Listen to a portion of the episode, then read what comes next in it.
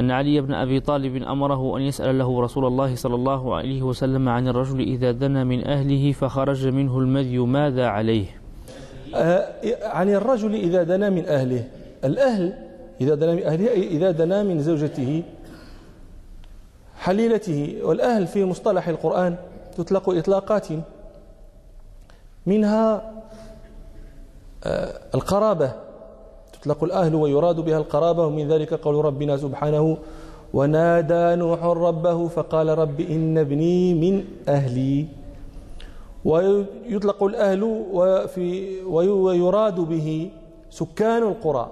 ومن ذلك قول ربنا سبحانه أفأمن أهل القرى أن يأتيهم بأسنا بيتا ويطلق الأهل ويراد به قراء التوراة والإنجيل كما في قوله تعالى يا أهل الكتاب ويطلق الأهل ويراد به أصحاب الأموال وأصحاب الأملاك ومن ذلك قول ربنا سبحانه إن الله يأمركم أن تؤدوا الأمانات إلى أهلها. ويطلق على غير ذلك أيضا. نعم. قال علي فإن عندي ابنة رسول الله صلى الله عليه وسلم وأنا أستحي أن أسأله. هذه حيثية استحياء آه، علي رضي الله عنه لأن عنده ابنة رسول لأن عنده ابنة رسول الله صلى الله عليه وسلم. وهذا فيه كريم معاشرة الأصهار وأن الإنسان ينبغي أن يستحمل أن يستعمل الحياء مع أصهاره. ولا يقصد بالأصهار خصوص الأب أبي الزوجة فقط وإنما المرء عليه أن أن لا يذكر أسباب آه، قربان الأهل ولا مقدمة ذلك. لا مع لا أمام زوجي لا أمام أبي زوجته ولا ابنها ولا أخيها. لما في ذلك من من استعمال الحياء مع مع الناس وذلك من جميل المعاشرة. نعم. قال علي فإن عندي ابنة رسول الله صلى الله عليه وسلم وأنا أستحي أن أسأله. وأنا أستحي أن أسأله. وهذا هذا الفعل أستحي هنا هذا ماضيه استحى بياء واحدة. وفيه لغة أخرى وهي أستحيي استحيا بيائين وهذه هي اللغة العالية وبها نزل القرآن العظيم. قال ربنا سبحانه إن الله لا يستحيي أن يضرب مثلا ما بعوضة وقال الأخفش استحى بياء واحدة لغة تميم. واستحيا بيائين آه لغة الحجاز. نعم.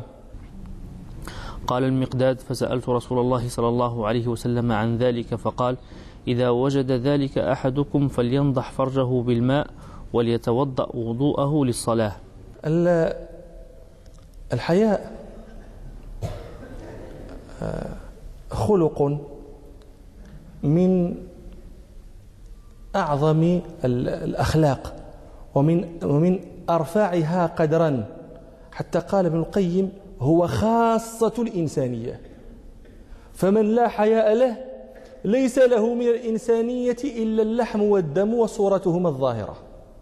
وقد روى الشيخان عن أنس بن مالك رضي الله عنه أن رسول الله صلى الله عليه وسلم قال حياء شعبة من الإيمان بضع وستون شعبة والحياء شعبة من الإيمان.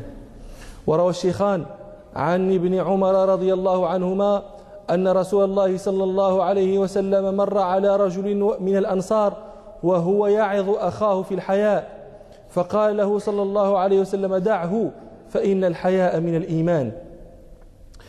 والحياء قسمان حياء ممدوح وحياء مذموم. الحياء الممدوح المطلوب المحمود هو شهود النعمة. ورؤية التقصير. أن أن أن تعقل نعم الله عليك وأن ترى عجزك عن إحصائها وأن ترى في مقابل ذلك تقصيرك في تقصيرك في حق الله أمام نعم الله عليك. هذه هذا هذا الشهود يحدث لك استحياء. وهذا الاستحياء هو المحمود. لماذا؟ لأنه يبعثك على الترقي في الكمالات وإتباع القربات إثر القربات.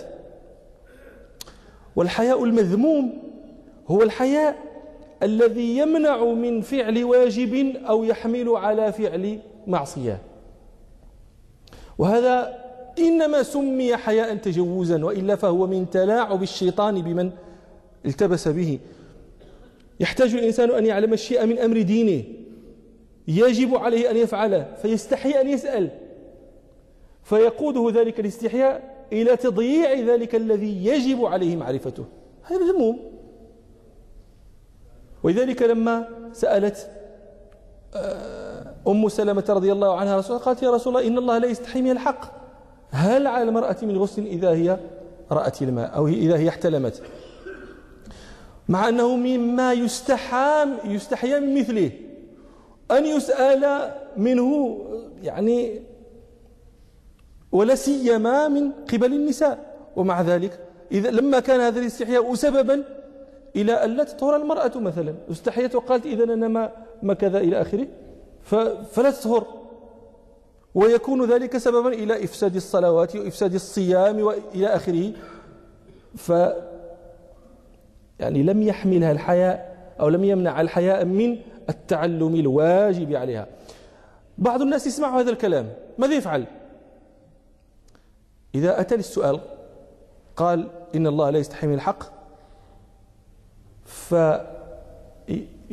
فتكون عبارته خشنة. يختار مثلا إذا أراد أن يسأل عما من شأنه أن يستحيا منه. صرح تصريحا يكاد يكون يعني لا.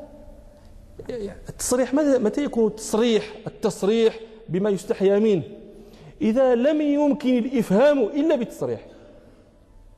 أما إذا كان يمكن الإفهام بالتعريض بالإيماء بالتلويح فلا يلجأ إلى التصريح لأن الحياء في جميع الأحوال حسن. فهذه مرتبة الحسنى بين سيئتين ينبغي أن ينتبه لها. نعم. قل